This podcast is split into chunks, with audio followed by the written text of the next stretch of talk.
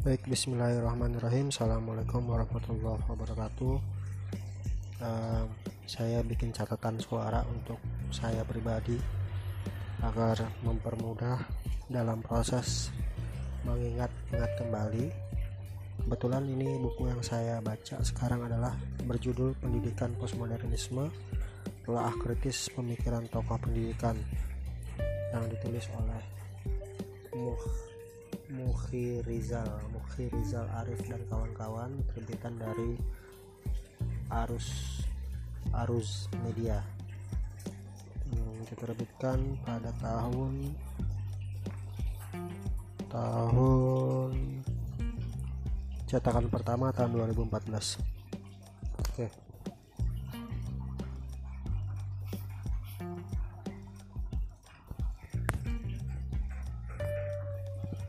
pertama kita langsung bahas uh, teori pendidikan kritis jargon Habermas yang ditulis oleh Muhammad Mukhlison uh, dalam buku ini dibahas dari mulai biografi riwayat pendidikan riwayat pendidikan dari biografi riwayat pendidikan Habermas sampai ke setting sosial karya-karya penghargaan yang diterima oleh Habermas lalu ke genealogi pemikiran Habermas teori kritis dan teori tindakan komunikatif jargon Habermas lalu ke jadi itu ya uh, kita akan fokus ke poin akhir di poin C teori kritis dan teori tindakan komunikatif jargon Habermas. Saya sifatnya hanya membacakan ya. Oke. Teori kritis dan teori tindakan komunikatif jargon Habermas. Sebelum memahami teori kritis dan teori tindakan komunikatif jargon Habermas, kita perlu memahami konteks sejarah dari warisan tradisi pemikiran Mazhab Frankfurt di mana dasar genealogis pemikiran Habermas berangkat dari sana. Maksud penulis dengan warisan tradisi ini adalah tradisi pencerahan yang berakar dari tradisi filsafat dan ilmu sosial Jerman. Tradisi ini diwariskan dari Kant, Hegel, Freud, dan khususnya Marx. Tradisi pemikiran ini dilanjutkan sebagai anggota institusi penelitian sosial di Frankfurt tersebut antara Max Horker Horkheimer, Theodor, Theodor W. Anders dan Herbert Marcus. Maaf ya kalau ada kata-katanya atau nama-namanya yang belibet. Lanjut, yang disebut yang sering disebut sebagai tokoh neo modernisme. Habermas sendiri sebagai seorang penerus bagi para pendahulunya sangat berpegang teguh pada warisan tradisi pemikiran ini, mulai dari gaya atau corak berpikir hingga keper keprihatinan yang melatar belakangi pemikirannya. Namun demikian, bukan berarti Habermas terjebak pada fanatisme tradisi, karena dalam perkembangan teori sosial justru ia banyak melakukan kritik terhadap pemikiran para pendahulunya yang menyebabkan kemandekan proses kemandekan proyek dari institusi tersebut. Ia bahkan juga membentangkan kajian bahkan ia juga membentangkan kajiannya pada teori-teori sosial yang belum pernah disentuh oleh para pendahulunya sehingga kerangka teoritisnya melebih menjadi lebih kompleks dan rumit. Pemikiran Habermas mengenai teori ilmu pengetahuan dan ilmu sosial tidak di, tidak bisa dilepas dari tradisi pendahulunya pada proyek pendahuluan yang mengembalikan keterikatan antara teori dengan praksis atau yang lebih dikenal dengan nama teori kritis. Maka terlebih dahulu kita akan menyinggung komitmen Habermas dalam konteks untuk melanjutkan proyek teori kritis itu sendiri. Sebagaimana diketahui, bahwa pemikiran pendahulunya terpengaruh oleh pemikiran Marxisme. Dalam konteks Marxisme ini adalah kritik dalam bahasa Habermas sangat dipengaruhi oleh pemikiran para pendahulunya tentang pengertian terma kritis itu sendiri. Dimulai dari Immanuel Kant, yang mana dalam artikan kritik adalah kajian terhadap sahih tidaknya klaim pengetahuan yang menggunakan potensi kritis dari rasio terhadap dirinya sendiri. sementara sing, sementara secara singkatnya kritis adalah perlawanan terhadap dogmatisme yang dihasilkan dari rasio murni. Kemudian, dalam arti Hegel, kritis adalah penegasian dan pertentangan pertentangan antara kontradiksi yang terjadi sebelumnya dalam proses pembentukan diri dari rasio dalam sejarah. Secara singkat, kritik berarti dialektika sejarah antara rasio dalam proses pembentukan dirinya sendiri. Lebih lanjutnya, dalam arti Marx, kritis kritik adalah lebih mengarah kepada praksisnya yang dalam pengertian Marx praksis adalah bekerja untuk mengolah alam atau memproses produksi jadi kritik lebih mengarah kepada dominasi atau penguasaan alam dalam proses produksi dari satu pihak terhadap pihak lain kritik dalam konteks materialisme sejarah kritik dalam konteks materialisme sejarah ini berarti praksis perlawanan yang dilakukan pihak yang tertindas dalam proses produksi. Kemudian dalam arti Freudian, kritik adalah refleksi atas konflik psikis yang menghasilkan resepsi dan ketidakbebanan ketidakbebasan internal sehingga dengan refleksi tersebut kritik mampu membebaskan diri dari unsur luar yang mengacaukan kesadarannya, sehingga akhirnya sampai pada mazhab Frankfurt yang diklaim sebagai neo modernisme bahwa kritik adalah kritik ideologi. Dengan demikian, secara singkat, kritik adalah penolakan terhadap ideologisasi pengetahuan menjadi bebas nilai sehingga membentuk kesadaran masyarakat menjadi ideologis Budi Hardir Budi, Had, Budi Hardiman memberi penjelasan yang cukup gamblang dalam menunjukkan teori kritis. Teori kritis adalah kritik ideologi pengetahuan. Teori kritis adalah kritik ideologi pengetahuan, ilmu pengetahuan, dan ideologi merupakan tiga hal yang saling bertautan dan ketiganya berkaitan pada praksis kehidupan sosial manusia. Pengetahuan merupakan aktivitas, proses, kemampuan, dan bentuk kesadaran manusiawi, sedangkan ilmu pengetahuan merupakan salah satu bentuk pengetahuan yang direfleksikan secara metodis, metodologis. Bila mana pengetahuan dan ilmu pengetahuan membeku menjadi delusi atau kesadaran palsu yang merintangi praksis sosial manusia, untuk merealisasikan kebaikan, kebenaran, kebahagiaan, dan kebebasannya, maka keduanya berubah menjadi ideologis. Teori kritis berkepentingan untuk membebaskan sekaligus menyembuhkan masyarakat yang mendekam dalam lingkungan ideologi itu melalui kritik ideologi. Melanjutkan proyek kritis pendahulunya, Habermas menyatakan bahwa metode ilmu pengetahuan dan ilmu sosial tidak pernah bebas nilai sebagai mana yang diklaim oleh positivistik. Ia akan selalu berkaitan dengan kepentingan. Maka dalam analisisnya, Habermas mengajukan tiga kepentingan yang menyelimuti ilmu pengetahuan dan ilmu sosial, yakni kepentingan teknis, kepentingan praksis, dan kepentingan emansipatoris. Kepentingan teknis tercermin dari pendekatan empiris analitis atas ilmu itu sendiri.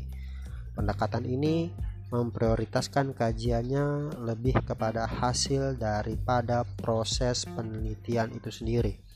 Proses penelitian dijalankan dengan metode eksperimentasi. Dalam mengamati objek penelitiannya, seorang peneliti menggunakan sistem acuan teknis terlebih dahulu untuk menekankan aturan dalam proses penelitiannya. Pengandaiannya adalah bahwa peneliti yang sah, penelitian yang sahih adalah penelitian yang menggunakan patokan porsi-porsi yang hipotetiko deduktif hipotetiko deduktif dengan demikian peneliti ilmiah tidak lebih merupakan pro progno, progno, prognosis atau ramalan ilmiah berdasarkan syarat dan kondisi yang telah ditentukan. Kepentingan yang kedua adalah kepentingan praksis yang tercermin dari pendekatan hermeneutics yang digunakan. Kepentingan pada metode hermeneutis Kepentingan pada kepentingan pada metode hermeneutis ini adalah pada taraf memahami makna pada realitas. Peneliti dalam metode ini diibaratkan sebagai penafsir. Realitas diibaratkan sebagai teks yang ingin ditafsiri.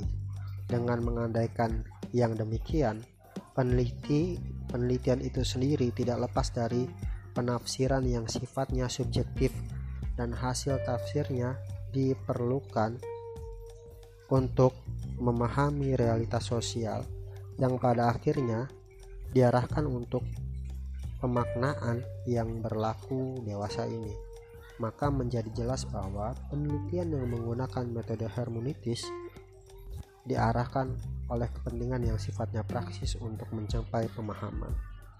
Kepentingan ketiga adalah kepentingan emansipatoris yang tercermin melalui metode ilmu kritis emansipatoris yang oleh Habermas disebut refleksi diri. Pengetahuan yang didasarkan pada kepentingan ini dihasilkan melalui refleksi diri atau dalam istilah Habermas in self reflection knowledge for the sake of knowledge come to coincidence with the interest in automate, autonomy and responsibility. Maka dari sini dapat diambil kesimpulan bahwa Habermas berbicara tentang kepentingan yang mendasari pembentukan pengetahuan yang tidak pernah lepas dari proses pembentukan diri manusia itu sendiri yang tidak lepas dari otonomi dan tanggung jawabnya. Maka building proses atau proses pembentukan diri dalam proses sejarah dan pembudayaan manusia sebagai makhluk hidup dan makhluk sosial. Maka proses refleksi diri atau pembentukan diri pengetahuan maka proses refleksi diri atau pembentukan diri pengetahuan ini dilandasi oleh kepentingan emansipatoris dari manusia itu sendiri. Emansipatoris di sini dimaknai sebagai pembebasan terhadap keterkukungan, dogmatisme, dan kendala-kendala untuk mengukuhkan eksistensi manusia. Habermas secara tegas membedakan dua tindakan dasar manusia, yakni tindakan kerja dan tindakan komunikatif. Tindakan kerja atau rasional bertujuan maupun tindakan komunikatif adalah tindakan dasar manusia dalam kehidupannya. Dalam konteks sosial, tindakan komunikatif harus menjadi tindakan yang melandasi hubungan manusia dengan sesamanya sebagai sesama objek sebagai sesama subjek sorry. Tindakannya terhadap sesamanya akan bersifat diagonal.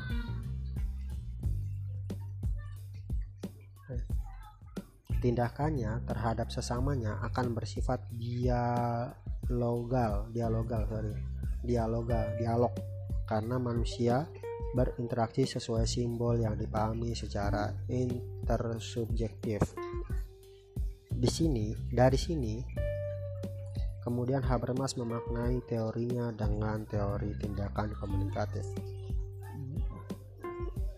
Untuk mendapatkan kemudahan dalam memahami teori tindakan komunikatif yang lahir dari pemikiran Habermas sebagai jalan keluar dari kebuntuan yang dihadapi oleh para pendahulunya, kita akan membagi pemikirannya menjadi tiga tahapan atau lebih tepatnya bagian. Meskipun pembagian pemikiran Habermas ini tidak bertujuan untuk memisahkan atau menggraduasi atau penjenjangan perkembangan pemikiran Habermas sendiri, sebab dalam arti sesungguhnya pemikiran Habermas tidak terpisah-pisah dan saling terkait. Pertama, tahap pertama Habermas masih berkutat pada pembahasan tentang masalah teori pengetahuan dan ilmu sosial. Pembaharuan teori kritisnya sebagai upaya untuk mengaitkan antara teori dengan praksis kehidupan sosial. Pada tahapan kedua, ia mulai beralih pada pendekatan lain untuk mempelajari praksis sosial atau realitas sosial, yaitu dengan melihat praksis komunikasi dalam dunia kehidupan sosial dengan memanfaatkan unsur-unsur dari filsafat bahasa Anglo-Sason Anglo Anglo-Sason. Pada tahap ini ia juga memanfaatkan teori tutur aksi spek art untuk mendukung proporsinya terhadap praksis komunikasi dalam realitas dalam memanfaatkan dalam realitas sosial. Baru pada tahap ketiga Habermas membahas tentang rasionalisasi masyarakat dan evolusi sosial. Dengan introduksi teori tindakan komunikatif, Habermas berharap patokologi sosial dapat diatasi dengan memperkuat solidaritas sosial yang akan bertujuan melalui praksis komunikasi dalam dunia kehidupan sosial masyarakat. Melalui pemaknaan kembali praksis dalam dimensi komunikasinya dan komunikasi itu sendiri mengarahkan pada tindakan komunikatif akan terbentuk konstruksi sosial yang didasarkan kepada interaksi sosial berdasarkan tindakan komunikatif guna mencapai cita-cita emansipasi atau pembebasan dari tuntutan atau tuntutan yang terdominasi dan terdistorsi secara sistematis atau manipulatif oleh kepentingan teknis kesepakatan sesama atau persetujuan satu sama lain yang dihasilkan melalui praksis komunikatif ini atau yang Habermas sebut dengan konsep konsensus bertumpu pada penerimaan sukarela atas klaim kesahihan yang disepakati bersama. Konsensus bagi Habermas sendiri berarti saling pem, saling pemahaman, mutual understanding dari masing-masing subjek interaksi mengenai apa yang diharapkan dari tingkah laku masing-masing pihak. Namun, kesahihan bersama ini tidak boleh berhenti pada sebuah titik. Dalam arti ia harus selalu mengalami kritik dan di kemudian hari sebagai bentuk kesepakatan baru yang berulang-ulang. Inilah proses dialektika sejarah manusia yang tidak bisa dilepaskan dalam arah transformasi sosial menuju lebih baik dan lebih baik. Namun yang perlu dicamkan adalah tindakan komunikatif ini tidak melakukan kritik melalui kekerasan, tetapi melalui argumentasi.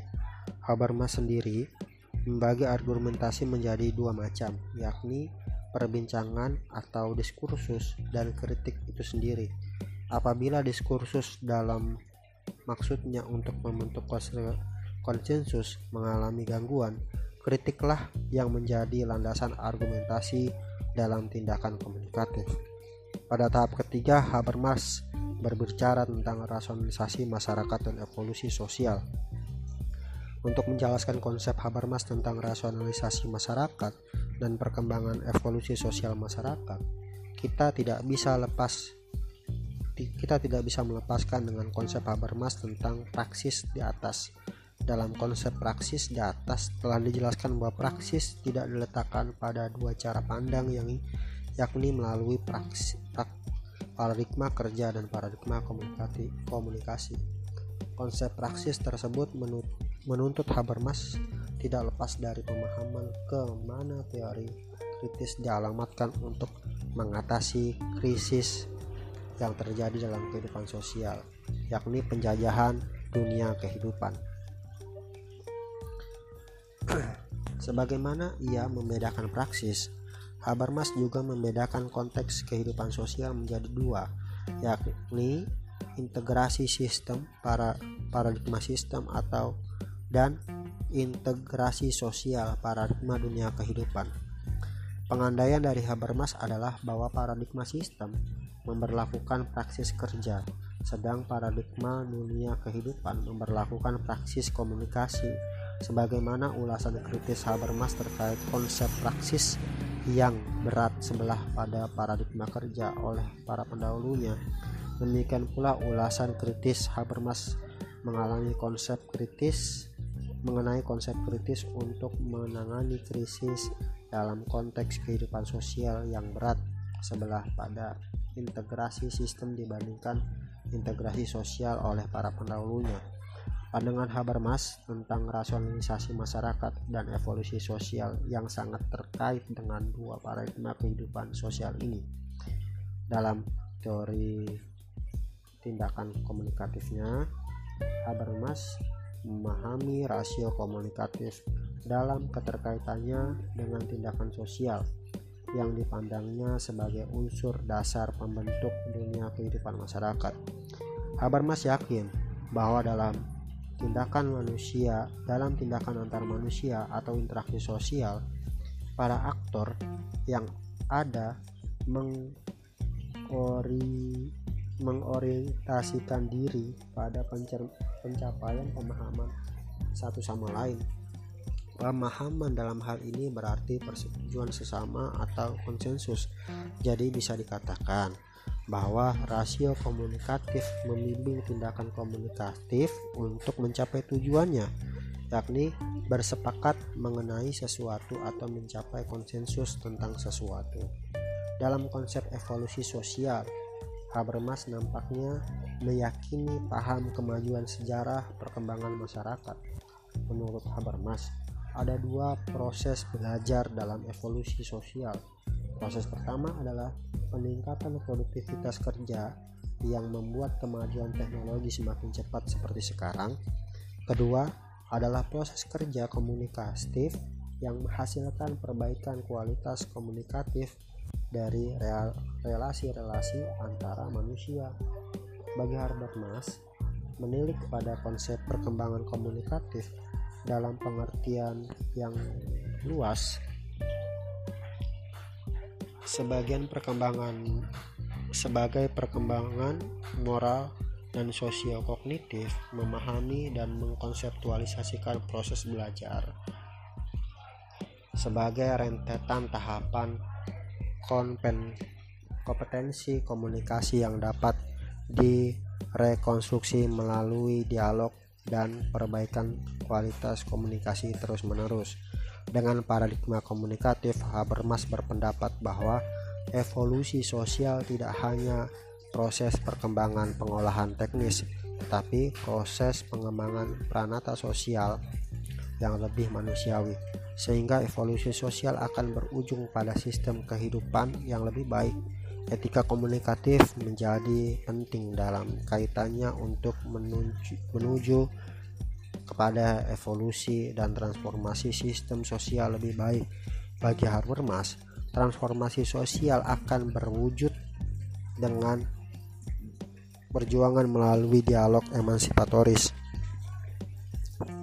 Dengan jalan komunikasi, komunikasi inilah Habermas mengatakan harapan menyatakan harapan untuk mewujudkan masyarakat demokratis yakni masyarakat yang interaksi dalam su suasana komunikasi bebas penguasaan dapat tercapai.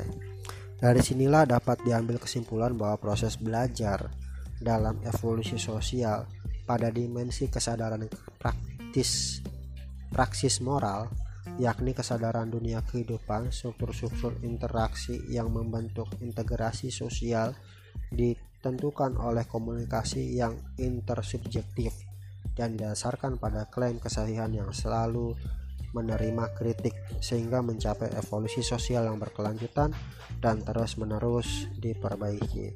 Pemikiran Habermas bertampak besar pada pendidikan, mencangkup di antara lainnya sasaran dan muatan kurikulum pedagogik evalu evaluasi dan penelitian. Nah, itu uh, bagian pertama. Mohon maaf ya bacanya agak terbata-bata karena uh, serak juga jadi butuh minum oke lanjut nanti di pembahasan selanjutnya masih tentang Habermas